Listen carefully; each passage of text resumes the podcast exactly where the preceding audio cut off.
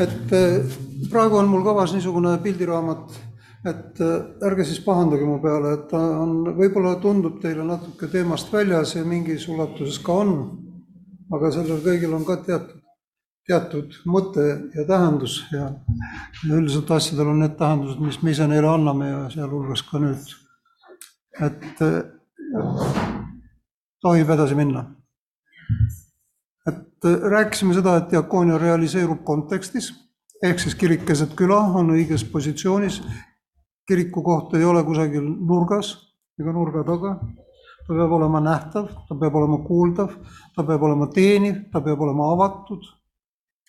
ja täisväärtuslikus partnerluses teiste organisatsioonidega ja teiste kogudustega ja teiste kirikutega ja igasuguste igasuguste, igasuguste sotsiaalsete aktorid või sotsiaalsed tegutsejatega.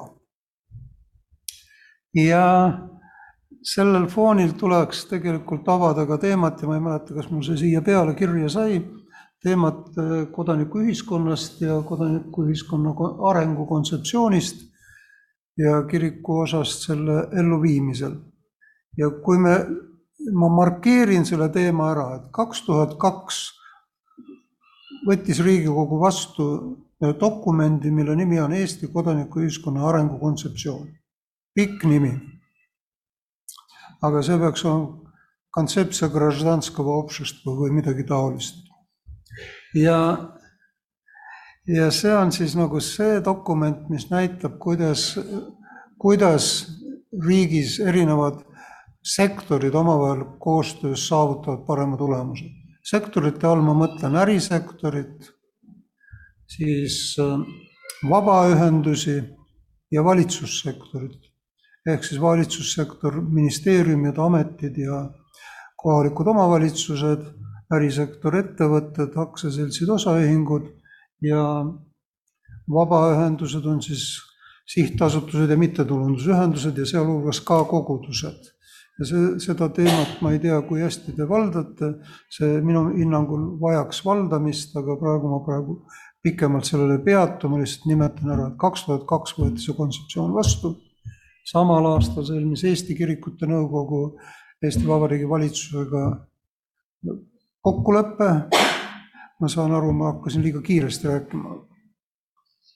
et sõlmiti kokkulepe, mida nimetati siis kirikute nõukogu ja Vabariigi Valitsuse ühishuvide deklaratsioon, mis määras ära valdkonnad, milles tehakse koostööd. valdkonnad olid määratletud ministeeriumi põhiselt, et mis, mida tehakse näiteks koos siseministeeriumiga, mida sotsiaalministeeriumiga ja nii edasi. ja kogu meie tegevus peaks nagu sellele foonile paigutuma, sellele kontseptsiooni foonile ja sellele ühishuvide dokumendile sellest tuleb kinni hoida, seda tuleb kaitsta ja ükskõik kui paganlik või ateistlik valitsus meil ei tekiks, me saame alati öelda, vot selle on kirikute nõukogu president ja peaminister allkirjastanud, te peate nüüd alust-, algatama tühistamisprotsessi, kui te tahate kiriku üle ääre lükata, nagu mitmetes maailma jagudes või riikides see on ka toimunud, aga see võtab aega. nii et me ei lase ennast üle ääre lükata, sest kiriku koht on keset küla ma siin natuke upitan oma nina, ma lihtsalt tutvustan ennast või ütlen veel kord, kes ma siis olen. et siin on olemas selline organisatsioon nagu ELK Diakoonia ja Ühiskonnatöö Sihtasutus. enne seda minu tegevus toimus kirikuvalitsuse kantselei koosseisus, aga see oli, no see ei olnud mõistlik, ütleme nii. ja kui juhtus nii, et diakoonia käive hakkas ületama kogu kantselei käivet olulisel määral, siis tekitas see asjatuid pingeid ja, ja me asutasime oma sihtasutuse, mille kirikuvalitsus ja kirikukogu kinnitasid. ja me teeme siis ühelt poolt nagu aitame kogudusi, sõltumata millisest konfessioonist nad on, kui nad tahavad algatada mingisugust projekti. oleme teinud projekti kirjutamise koolitusi, juhtimise koolitusi või siis alustada mingi ettevõtlusvormiga. on see siis MTÜ või sihtasutus, mingi muu. ja teiseks me osutame ise ka teenuseid ja arendame neid. nii et selline, selline teema. no kirik kiriku diakoonia peab ennast müüma, ma enne ütlesin, me peame rääkima ka marketingist ja, ja siis ka brändist või kuvandist. ma tahaksin, et mul on üks kolleeg, Tallinna Ülikooli õppejõud, kes on ka diakoonia projektijuht. ma tahaks, et tema järgmine kord tuleks sellest rääkima. ta on teinud seda Usuteaduse Instituudis, just nimelt seda brändi ja turunduse teemat. Öeldakse, kas kirikut on vaja turundada, kas kirikut, kas see on üldse kristlik, kui me nii räägime. no me kasutame, tähendab, intelligentne inimene suudab hakkama saada rohkem kui ühe keelega ja meie peame õppima rääkima ka teisi keeli kaanoni keele kõrval. ja sealhulgas seesama brand making ja, ja, ja, ja, ja kõik need projektinduse asjad, need on keeled, mida me peame kasutama selleks, et me, et meie tööriistakast oleks tugevam. Vot ja meie visioon on see, et me oleme avaliku sektori tunnustatud partner. ja missioon, et märkame, aitame ja hoolime ja eesmärk, et meie teenused oleksid kvaliteetsed ja et nimi Eesti Diakoonia mõjuks kvaliteedimärgina. see on päris niisugune suur ülesanne ja kui ma ja kõik me teame, et me töötame selle materjaliga, mis meil on, eks siis me nagu ja inimeste osas teha muudatusi kogudustes on kõige keerulisem siis, siis nagu annab rebida, et see kõik oleks kvaliteetne. aga unistada tuleb. no siin on lühikene nagu, ma ei hakka sellel peatuma, aga ma tahan ainult öelda, et on erinevaid äh, allikaid, kust selleks tegevuseks, mida me tahame kvaliteetselt teha, on võimalik vahendeid saada.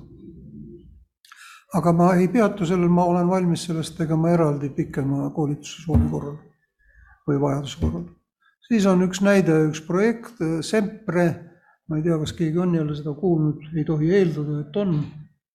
aga Sempre oli niisugune, siin on ta kirjas viisteist kuni üheksateist, aga tegelikult oli oluliselt veel pikem. erineva riik, erinevate riikide koostöös ja just kogukondades tegevus, tegevuse elavdamine maapiirkondades. ma arvan, et ma ei liialda, kui ma ütlen, et kolmkümmend kogudust sai sellest rahalist toetust kes ühekordseks tegevuseks, kes, kes mingiks pikemaks. ja kindlasti kõik, kes osalesid, õppisid selle kaudu päris palju. ahah, siin on Sempri rahadest veel, siin all on näha numbrid, et palju siis raha oli. et ühiskonnade sihtasutus ja ELK olid need, kes siis seda raha taotlesid ja alumisel real on, et mõlemal oli kasutada ligi kolmsada tuhat eurot selle perioodi jooksul, mis oli päris suur raha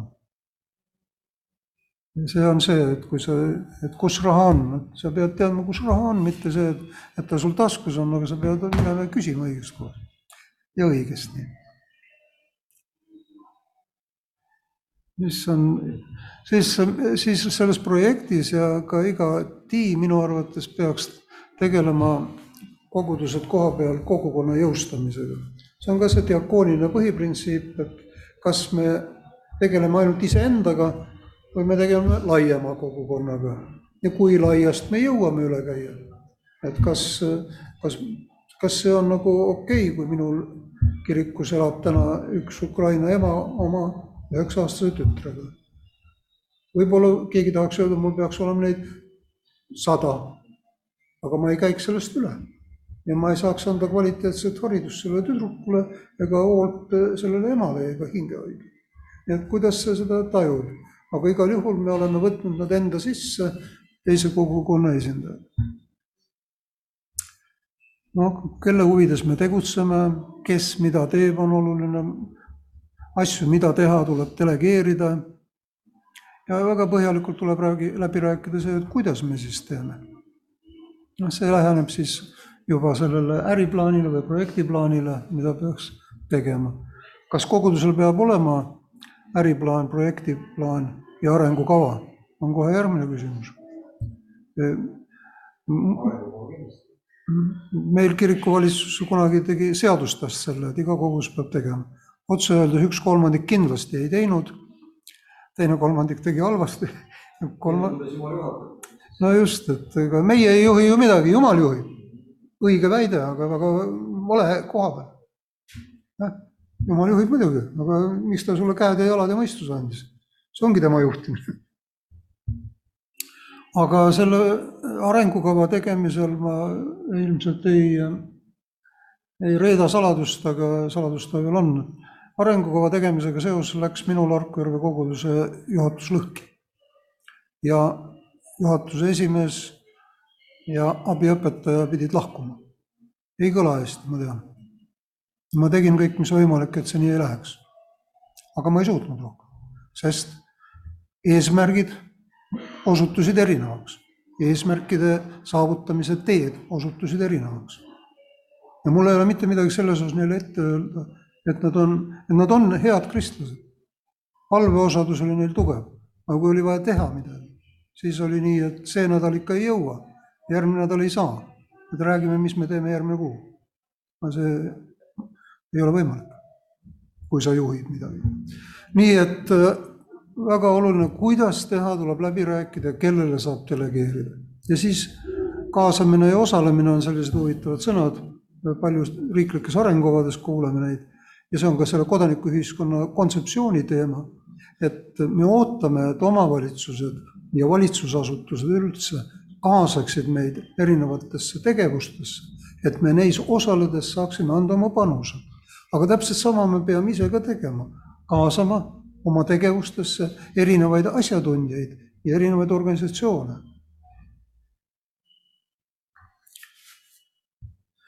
selge peab olema, kes meie tegevusest kasu saab. Ja eraldi teema on teenuse osutaja ja tarbija teema.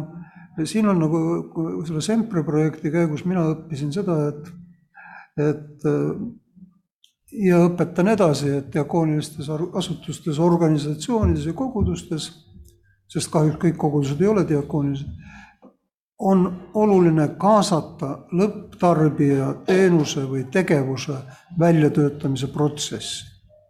see on seesama, et ma küsisin Harku Järve emadelt, mida teil vaja on. kust mina tean, mis neil vaja on, aga nemad teavad. et kaasada väljatöötamise protsessi ja kui kui ta ütleb, et on lastehoid, siis ma küsin ikka veel edasi, milliste laste ja kui vanad, mis sugu mis, kas on, see on suur erinevus, kas on kaheaastased tüdrukud või on seitsmeteistaastased autismispektri häirega noormehed. nii et teenuse osutaja ja tarbija tuleb läbi mõelda ja vahel on nad üks ja seesama. ehk siis näiteks vahepeal me tegime beebi, beebi, kuidas seda nimetatakse, beebitantsu või lauluringi, ehk siis kus emad ise tegid seda, mina andsin ainult võtme, ütlesin tehke tüdrukud keedan teile teed ka, kui tahate. peaasi, et teil lapsed arenevad ja teevad kõige paremini.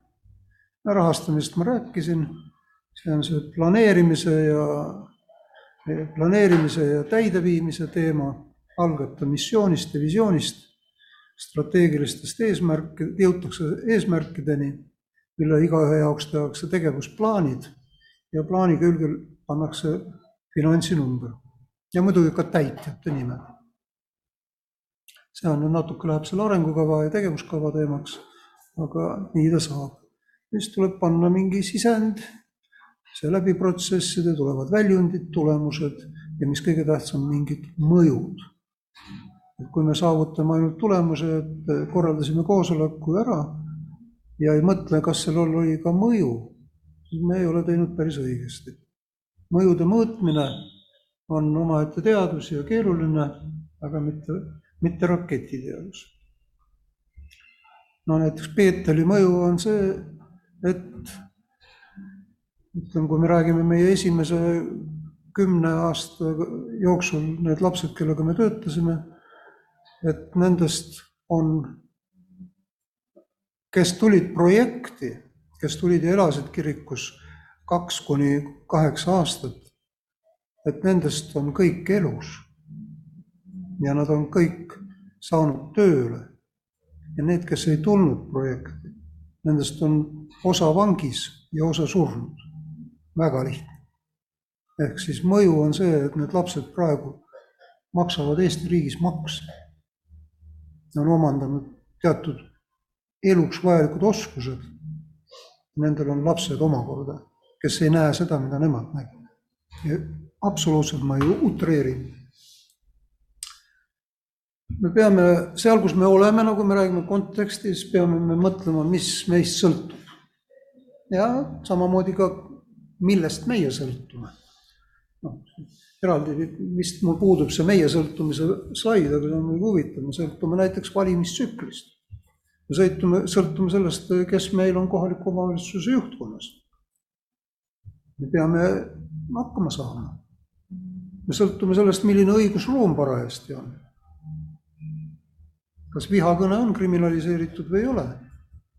kas pagulaste vastuvõtmises on pikaajaline plaan või ei ole? või igatahes me saame neid protsesse mõjutada ja see ongi meie poliitiline aspekt, et me saame olla eestkõnelejad teatud teemadel ja me saame seista iga inimese õiguste eest.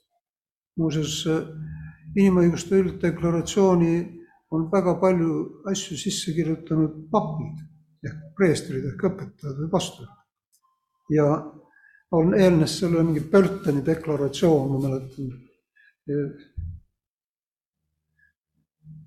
nende poolt kristlik. niisiis me saame avalikustada jamasid, mis, kui tehakse halba.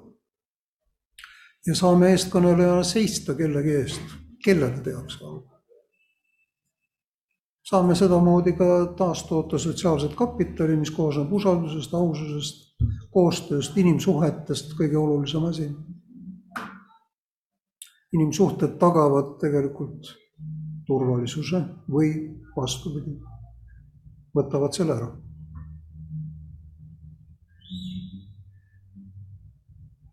ja see moodustab omakorda kultuuri, noh, selle vaimse poole kultuurist, kus üks osa inimesi vaenlase sõdureid toidab ja seob nende haavu ja teine osa ajab nad ühisauda. kultuuri küsimus. kirik saab kanda väärtusi no ja loomulikult ei tohi ära unustada seda, et me ju toodame ka väärtust. me kanname kristlikke väärtusi, aga me toodame ka materiaalset väärtust.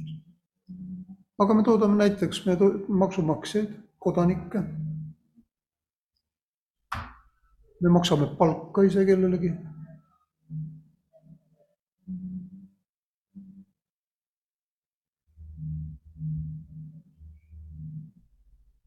noh, kohaliku omavalitsuse koguduse koostöö on siis nagu hädavajalik, see on nüüd Harku Järve kiriku ees, mina koos vallavanemaga, kes on nüüd juba meie koguduse liige ja nõukogu liige.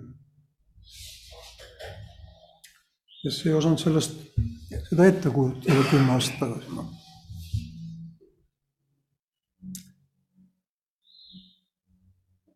seda koostööd mõjutavad erinevad asjad, et äh, mõnes kohalikus omavalitsuses puudub selle vastu huvi. noh, ei ole kirikuga vaja koostööd teha, sest kunagi pole tehtud, milleks? sellist traditsiooni ei ole.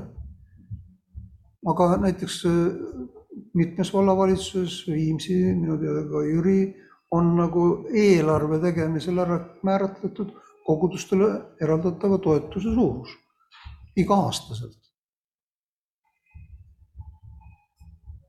Mida selleks teha, et see oleks nagu kõigi EKN-i kuuluvate liikmeskirikute neljasajas koguduses määratletud. keegi peab tegema selleks midagi. peab olema üks isik, kes veab seda protsessi nii koguduse tasandil kui üldkiriku tasandil, EKN-i tasandil. selleks, et koostöö oleks edukas peavad olema partnerid, kes on valmis kaasa mõtlema, analüüsima ja ka tegema midagi. ja siis on võimalik kujundada ühiseid seisukohti mingisuguses valdkonnas, näiteks kas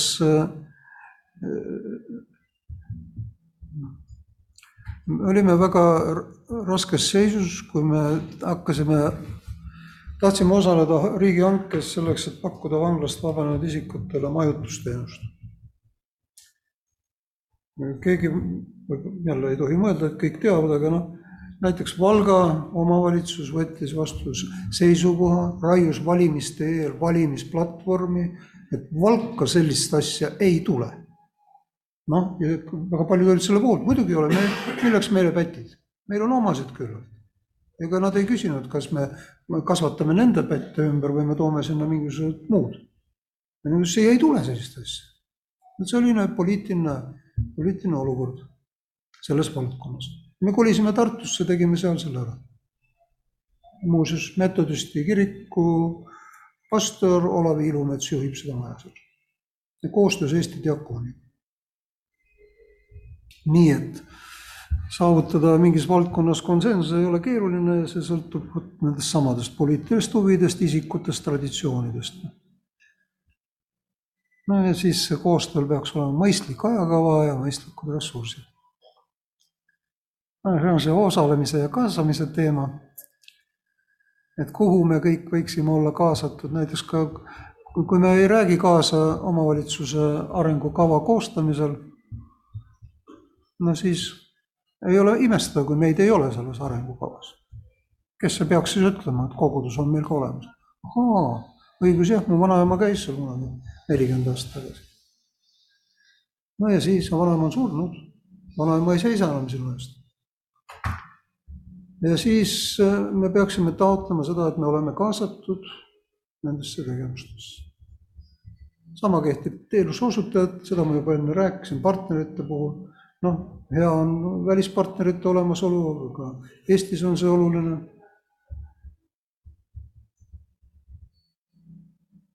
me saame toetada oma sihtrühmi, see on see eestkoste teema.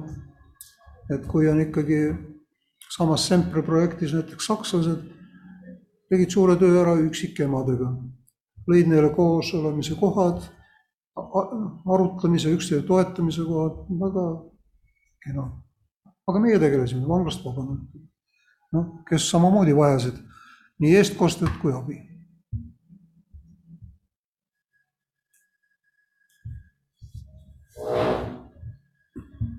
Harkus me korraldame vist juba seitse aastat jaanipäeva. Ehk jaanipäeval peame kirikus palvuse, siis kogunevad need, kes kirikus olid ja mõned, kes tulevad ainult tule pärast kiriku ette. Ja siis me läheme lippudega kippadi-koppadi ühele lõkkeplatsile, kus on üks lagunenud laululava ja teeme seal lärmi. kõik on rõõmsad, grillime vorstiga.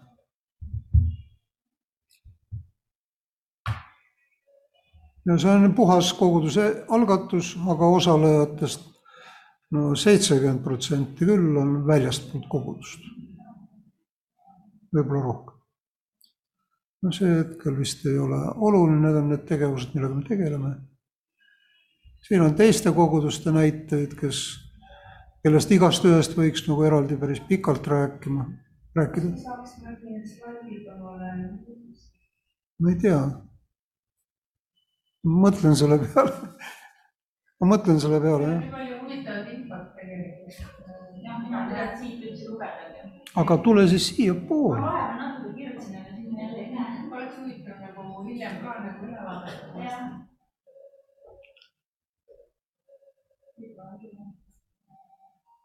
et metodistide tööharud näiteks siin, tööturuteenused, vabatahtlik töö, iga kogudus võib võtta endale tööturuteenuste alt kogudusse töö tegijaks vabatahtliku isiku.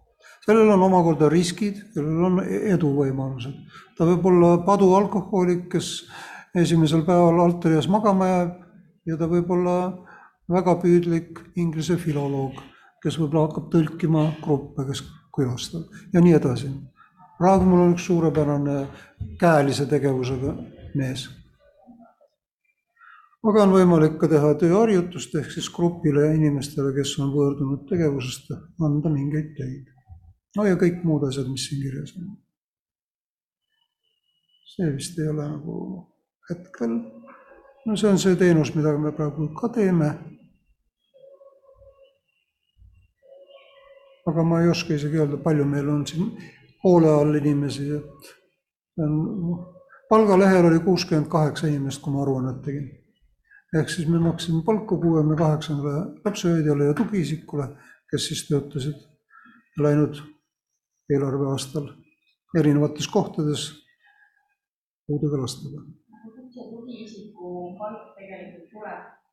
Nagu, ega see lapsevanem ei hüvita mingit osa või ma olen ise seda mõelnud, see tuleb riigilt. see algas Euroopa Sotsiaalfondi rahadega ja see raha liikus läbi Sotsiaalkindlustusameti ja meil oli leping Sotsiaalkindlustusametiga ja me saime ühest kohast raha, andsime ühte kohta aru ja kõik oli väga hea. ja paari, mõne aasta pärast see muutus ja praegu me peame tegema eraldi läbirääkimised omavalitsustega, sest Sotsiaalkindlustusamet andis raha omavalitsuste kätte. see on arusaadav, see on arusaadav, see on nagu mõistlik, aga meie seisukohalt täiesti ebameeldiv. sest igal pool on sul erinevad läbirääkijad, erinevad hinnad, erinevad ootused ja siis kusagil on need emad nende lastega veel ja nad on kuidagi SKA, Sotsiaalkindlustusameti ja omavalitsuse ja meie vahel ja peaks olema, igal probleemil peab olema kindel omanik. siin on nagu laiali. Nii et ja nüüd tuleb see raha siis äh, teenuse osutamiseks ja millest me maksame palka ja retti nendes kohtades, kus see teenus on, läbi omavalitsuste. aga me teeme sinna kõrvale väikseid projektikesi ka, et me saaks natuke rohkem teha. ja siis äh, emad sest enamus isasid on jalga lasknud, õnneks mitte kõik päris, maksavad toiduraha juurde. nii et nii ta käib. Noh, siin on need teenused, mis selle eest sisalduvad. noh, see on see oluline, et on paarikümne tund, paarkümmend tundi lapsele. see on tugiisikud, kes käivad kaasas lapsega näiteks rehabilitatsiooniteenusel või koolis või kus, kus vaja käia on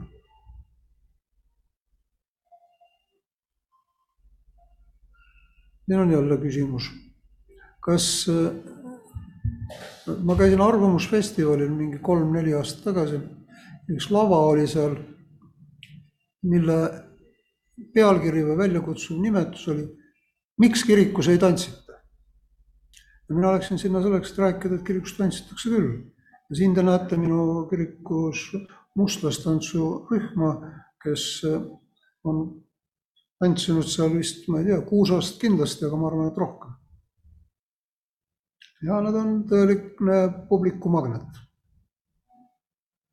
ja siin osa on minu leerilapsed olnud, osa on lihtsalt nendega liitunud sõbrannad. et kas kirikus tantsitakse kuulame sul see mustlas, mustlastansul on mingi niisugune traditsioonidest mingi vaimne mõõde ka, sügavam vaimne sõnum, et praegu siis võime öelda, et see on nagu kristlik mustlastants. no vot, selle kohta ma ka siin raamatus ütlen, väga tore, et peapiiskop ja autojuht on kristlane. väga tore, aga mina valiksin autojuhti ka teiste omaduste järgi. mina olen ka kristlane mul lube ei ole. Kui peapiiskop võtaks mind autojuhiks, ma suudan juhtida diakooni organisatsiooni, aga mitte autot. nii et kas on olemas kristlikku autojuhtimist, kristlikku mustlastantsu, ma ei tea. ei, ma mõtlen, ma mõtlen just selle koha pealt, et kui nagu, nagu mittekristlastest mustlased, võib-olla, võib-olla seal on mingi lõimumine, mingi muu asi seal tantsu sees.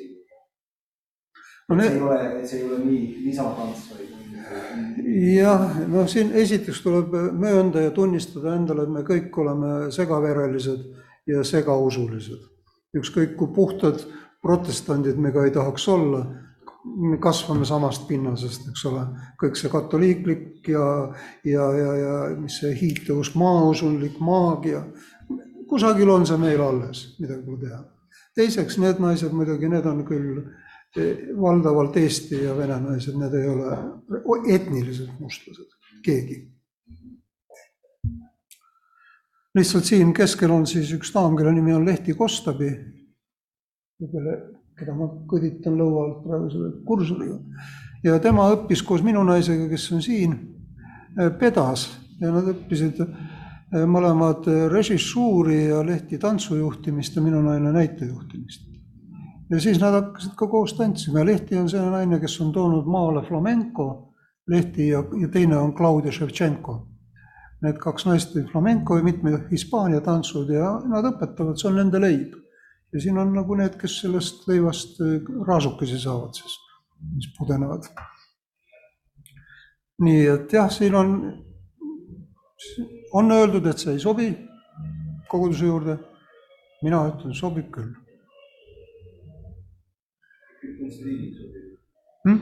kõik kunstiliigid sobivad. noh, siin on siis meie hoole all, see on veel selle aja pilt, kui meil oli see väike lastehoid. ta on lihtsalt nii sümpaatne.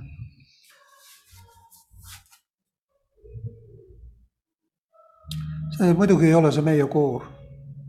see on valla, noh, valla juures tegutsev koor. ma arvan, see on Suurupi seltsi koor aga nad on meie külalised antud hetkel, te näete, siin on meie kirikusaal.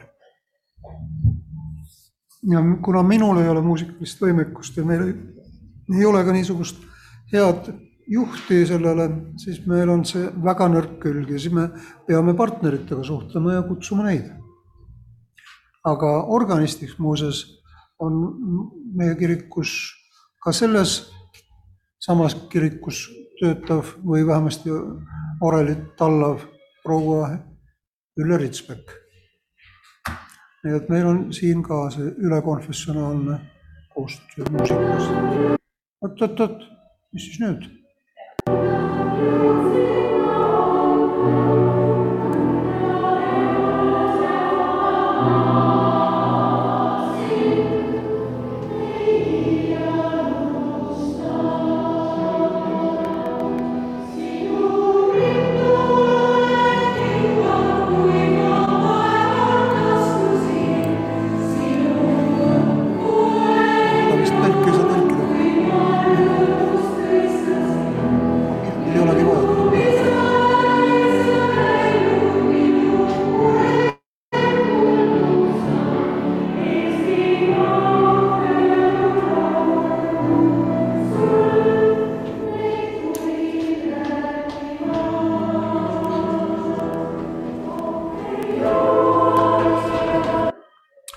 Sellised lood.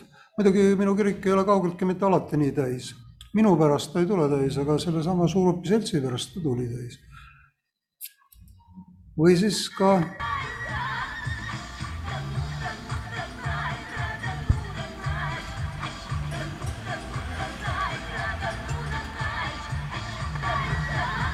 kuidas sellised värvilised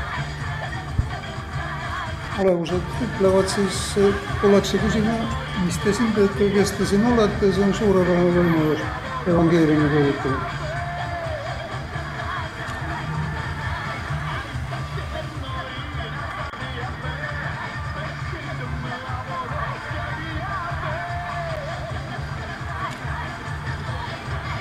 kuidas? meil on püsiekspositsioon seal praegu üleval, see on, need on maali, maalinud Aino Järvesoo, kes on ka selle kiriku ehitanud. kuuekümne aasta vanuselt hakkas maalima, kaheksakümneselt ehitas kirikut. igal asjal on oma lugu, altarist kirjutan välja. vot. on olnud ka teistsuguseid näiteid, on, oli üks aasta oli pallaslaste kollektsiooni näitus oli ka päris huvitav, see rikkus kõik seinad ära, sest siit tulidki auke, nüüd ma pidin tegema teistmoodi, et praegu on püsioskus. nüüd on siinid jah.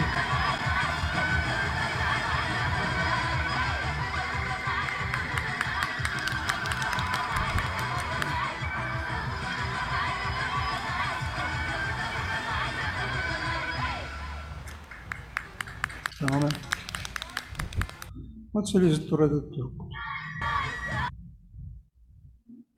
No minu hinnangul on see kõik seotud siis selle viimase pildiga siin ka, et tegemist on äh, diakoonia näol tegudeks transformeerunud usuga.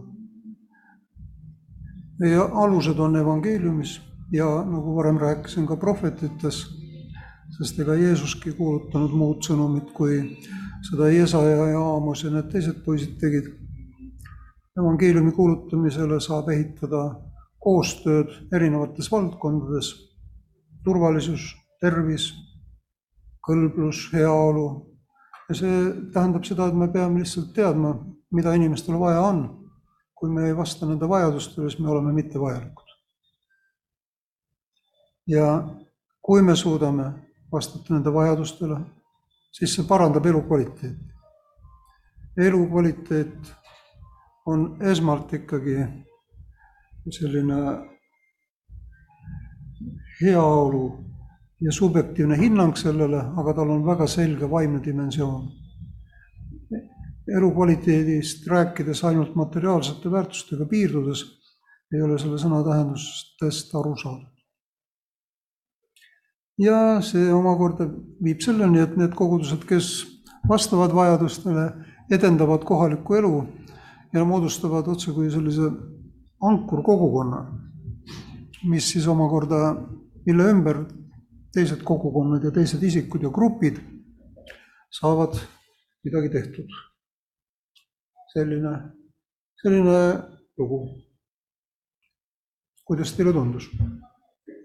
kas mulle tundub või on äh, Luteri kirik selline kõige tugevam selles töös või on teda, nii suur või on ta tõesti nii põhiline võrreldes nagu teistega? või ei ole nii? päris nii ei ole. no siin ei ole nagu võltsiviisakust vaja taga ajada, et fakt on see, et Luteri kirik on oluliselt suurem kui teised protestantlikud kirikud. meil on sada kuuskümmend seitse kogudust, kaksteist praoskonda ja umbes kakssada teenivat vaimulikku. ja noh, kui EKP liidus on umbes alla kolmekümne tuhande see number, eks ole, koos metodistid, adventistid alla viie või kuue tuhande tõenäoliselt. siis see, sellest tulenevalt meil on teatud vastutus, minu arvates. ongi vaja ees minna ja kaasa kutsuda. kaasata ja koos teha. et ja näiteks me võime uhkustada küll, et meil on näiteks Tallinnas kaks kristlikku kooli, mis annavad haridust, alusharidusest alates, lasteaedadest alates ja koolideni ja Tartus üks. noh, võime küll uhkustada, aga mis see annab, et me uhkustame, parem on see, et kaasame sinna õpilasi igalt poolt ja nemad hakkavad tegema järgmistena järgmisi asju. aga samas, nagu ma olen nimetanud metodistidel kas või sedasama A-laagrit, Gideoni laagrit. meil ei ole sellist asja, meil on ka laager, meil on talulaager, aga ta ei tööta nii hästi, ta ei, ta ei anna nii paljudele inimestele osalemisvõimalust. ta on kuidagi lihtsalt noh, kui meil on kedagi vaja majutada, saab majutada seal, kui keegi tuleb seminari pidama sinna, siis saab teha. kui tulevad Soome turistid, saavad ka ära teha. aga Jõhvis või no Jõhvi koguduse all tegutsev see Gideon on kaasanud nagu ümberkaudseid töötuid ja probleemidega inimesi selle laagri ülesehitamisse juba nüüd siis rohkem kui kahekümne, vist juba kolmekümne aasta jooksul. Nende elud on kujunenud selle käigus ja see on kvalitatiivselt minu meelest midagi eriti silmapaistvat, natuke nagu seesama minu Peetri asi. ma räägin, et kakssada last on kirikus üles kasvanud. see on neile midagi jätnud küll. nii et või nelipühilastel kas või seesama Lootuse küla ja selle peale nüüd on ehitanud William Borissenko, kes oma, mitte selle peale, aga sealt lahkudes on William ehitanud oma abikaasaga üles Lootuse fondi, mis siis ühendab mitukümmend mitukümmend, umbes kolmkümmend kristlikku rehabilitatsiooniasutust või organisatsiooni. Need ei ole luterlikud, aga me teeme nendega koostööd. koos sellesama Williamiga ja Lootuse fondi Rootsi partneritega korraldasime näiteks läinud aastal eh, meditsiinitarvikute abi Räpinas olevale luterlikule hooldekodule ja Tabasalus olevale ilmalikule hooldekodule. ja edasi ma enam ei jälginud William jätkas oma asju muidugi, aga, aga, aga noh, me ei teinud järgmisi asju koos, kuna rada oli juba sisse käinud. kas William korjas need rehabilitatsioonikeskused enda alla või ta lõi neid juurde? kuidas see asi toimub, käib sinna avatud fondi alla? ikka peaasjalikult need korjati sinna alla. Neile pakuti, vaata selles valdkonnas ehk siis see, mida mina nimetan kriminaaltööks ja mida nimetatakse ka kiriku narko- ja rehabilitatsioonitööks ja veel ja veel, on äh, need inimesed, kes selle kutsumust omavad ja seda tööd teevad, sageli väga üksi. Neid on seal see kaks tükki või kaks peret ja nad teevad seda. ja nad surevad selle otsa, mitte Eestis ainult, vaid igal pool. Soomes ja Rootsis ja ma, ma kuulun ühte organisatsiooni Prison Fellowship International. Olen siis nii-öelda Eesti esindaja ja Eestis nagu seda Prison Fellowshipi nagu sellise nagu iseseisva juriidilise isikuna ei ole, aga meil on nagu ühendus, kus on ka siis Lootuse küla ja kus on minu Balti Kriminaalpreventsiooni Instituut ja seal on veel mitu organisatsiooni. see oli nagu minupoolne algatus selleks, et ühendada neid inimesi, kes muidu on üksi. aga William on palju rohkem saavutanud ja palju lühema ajaga praegu ja teinud tõepoolest head asja. Aga seesama Prison Fellowshipi kuuludes oli minu jaoks, kui ma sain kokku sellise noh, umbes kolmesaja või neljasaja inimese konverentsil või convocation'il, inimestega, kes on samasugused hullud ja teevad sedasama asja, käivad vangide juures ja aitavad narkomaane ja siis see oli mulle nii palju ülestõstev kogemus. et esiteks see kokkusaamine on ühtpidi, ta on jumalateenistus, aga teistpidi see on ka asjalik arutelu probleemide ja teemade üle. ja see, see oli fantastiline, ma sain aru, et oh, oh, et ma ei olegi üksi ja noh, seda pakub siis William, ehk siis ta turundab ühtekuuluvustunnet, õlatunnet, osalust. teeb seda hästi ja seda on vaja. nii et seda jah, erinevates kogudustes on võib-olla rõhuasetused või kirikutes erinevad ja erinev, erinev koht, mida me hästi teeme, aga me saame kindlasti kõik üksteisega koostööd teha ja olla üksteisele toeks. nii.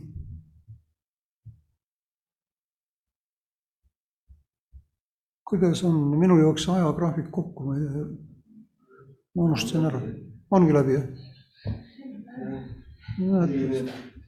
On küsimus, et kui seal alguses, slaidide alguses oli jutt sellest, et Diakonia teeb ka erinevaid koolitusi ja seminare.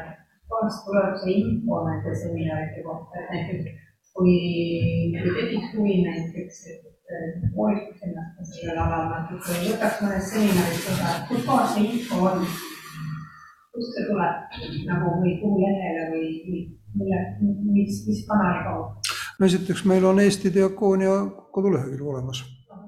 see nii ongi vaja Eesti Diakoonia sisse lüüa, leiad. teiseks me oleme kasutanud ka kirikute nõukogu abi. ma töötasin mingisugune seitse aastat kirikute nõukogule ka ja ja selle käigus lõin nagu paralleelstruktuuri, mille nimi on Ühiskonnade Sihtasutus. struktuur on alles, aga ta eriti ei funka praegu. Et siis, siis me ja selle tõttu ma saan läbi kirikute nõukogu edastada ka informatsiooni ka koolituste või muu taolise kohta. aga pean küll tunnistama, et ma ei usu, et me sellel kevadel suudame midagi teha, kui ei ole nagu konkreetset tellimust kellegi käest. sest praegu on kõik ressurss ikkagi praegu on selle põgen-, põgenike teemal. ja kindlasti me jätkame seda. ja just, ja muidugi Facebookis on ka meil oma koht, kus jagada. no seal ei olegi värsket, sest seal ei ole, sest me ei tee praegu. aga projektikoolitusi, rahastamiskoolitusi võime teha. ma ei tea mul on jah, mul on üks, üks slideshow veel siin pulga peal, mida ma tahtsin näidata, aga, aga vist ei õnnestu. just nimelt sellel ressursside hankimise, kasutamise teemal, aga võib-olla järgmine kord siis.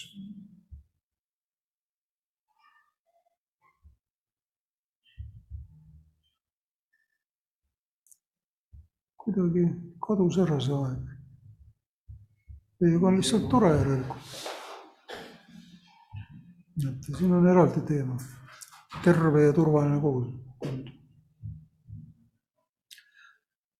Kas te tahate ühe kiire testi teha lõpuks? no et ta läheks rõõmsamana ära. vaadake. me rääkisime elukvaliteedist, et elu, mis rääkisime, see on ainult, me limpsasime korraks seda sõna nagu jäätist, aga kõhtu ei saanud täis ja maitset ka. see koosneb niisugustest asjadest, nagu pildi peal on. füüsiline heaolu ehk terviseteemad, psühholoogiline heaolu vaimse tervise teemad. kui vaba või kui sõltumatu inimene on oma otsuste tegemisel. kõik suhete süsteem, keskkond, milles ta ennast realiseerib ja muidugi usu ja uskumuste teema.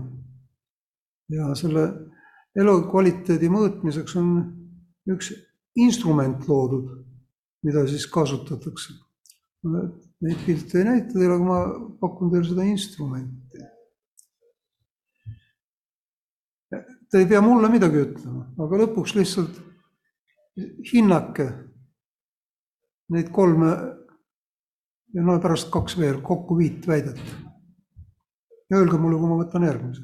kirjutage endale see number üles näiteks, pärast liidate järgmise numbri ja siis kokku jõuate lahenduseni.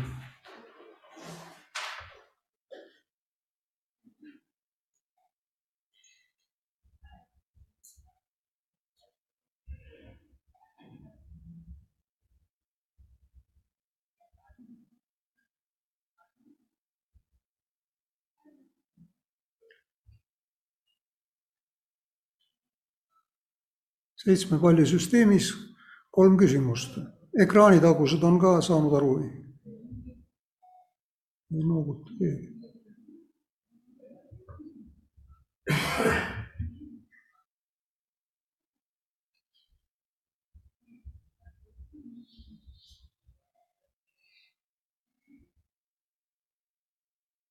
nüüd on vist valmis. nii ja veel kaks küsimust, tohib jah? Ei. ma olen saanud kõik need tähtsad asjad, mida ma olen elus tahtnud. kas see on täiesti vale või natuke õige või päris õige ja nii edasi. no see oleks võib-olla õigem olnud kirjutada eesmärgid, mitte ainult asjad.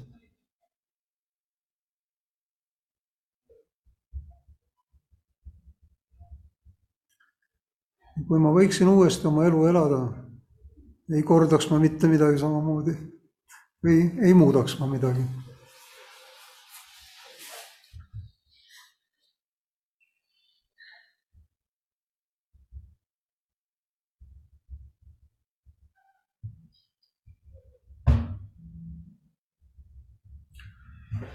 kas kaadritagused on ka lõpetanud? jaa. ahah, no vot ja siis äh, lööge need seitse numbrit kokku või viis numbrit. palju neid on seal? viis numbrit liitke kokku ja te saate mingi arvu punkte. ja siis saate endale panna siit.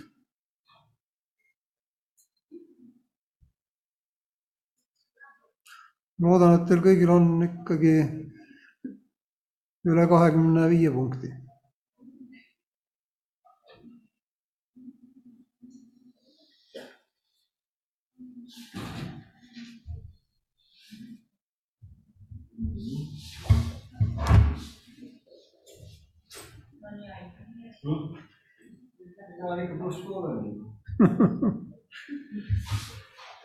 no nii, aitäh, ma loodan, et olete saanud üle kahekümne viie punkti. soovin õnne kõigile, kes said. ütlen teistele, teil on veel teha tööd iseendaga, oma eluga. ja nagu ütlesid vanad mungad, ora et labora, palveta ja tee tööd. see loosung oli mul kaheksakümne kaheksandal aastal minu pea kohal seina peal ja ma tuletasin kõigile oma kolleegidele meelde, et palveta ja tee tööd. palve ilma tööta on kerjamine, töö ilma palveta on orjamine. aga koos on see hea